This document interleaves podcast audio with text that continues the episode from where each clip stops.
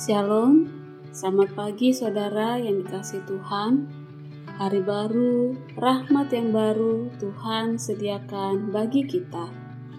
Firman Tuhan hari ini Mazmur 32 ayat 5. Dosaku kuberitahukan kepadamu, dan kesalahanku tidaklah kusembunyikan.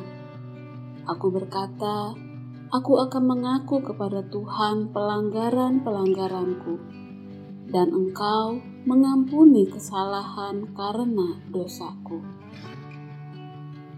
Saudara, seberapa sering kita mengaku dosa? Setiap hari, seminggu sekali, atau setahun sekali?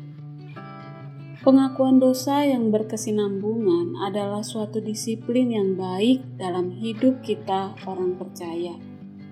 Hal ini membuat kita tahu diri dan tetap rendah hati, mengingatkan diri bahwa kita adalah orang berdosa yang telah diselamatkan oleh anugerah.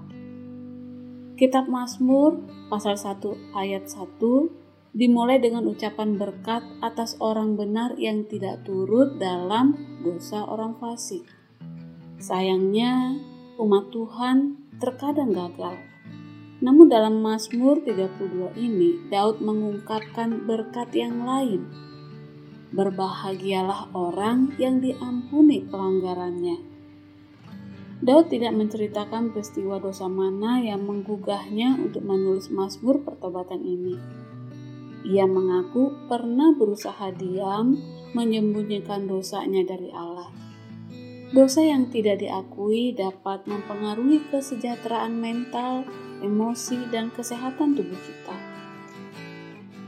Hanya pengakuan dosa dan sukacita pengampunan dari Tuhanlah yang dapat menyembuhkan serta memulihkan kita. Seperti Daud, saat bersuka cita dalam pengampunan Allah, Janganlah kita melupakan harga yang telah Tuhan bayar. Dosa-dosa kita tidak dituntutnya karena telah dibebankan kepada Yesus yang menggantikan kita.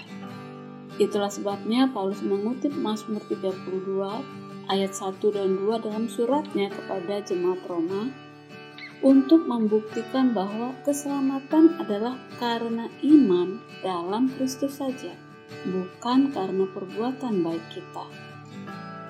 Dalam ayat-ayat selanjutnya, Daud mengajarkan supaya ketika kita berdosa, hendaklah kita berdoa kepada Allah selagi Dia dapat ditemui. Hanya orang bebal yang mengabaikan firman Allah yang mengajarkan jalan ketaatan dan penebusan dosa.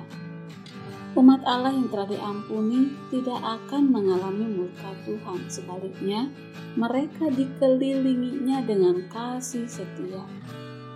Memang orang percaya masih bisa jatuh dalam dosa, tetapi akan segera mengakuinya. Lewat firman Allah, kita mendapatkan hikmat untuk menjalani hidup.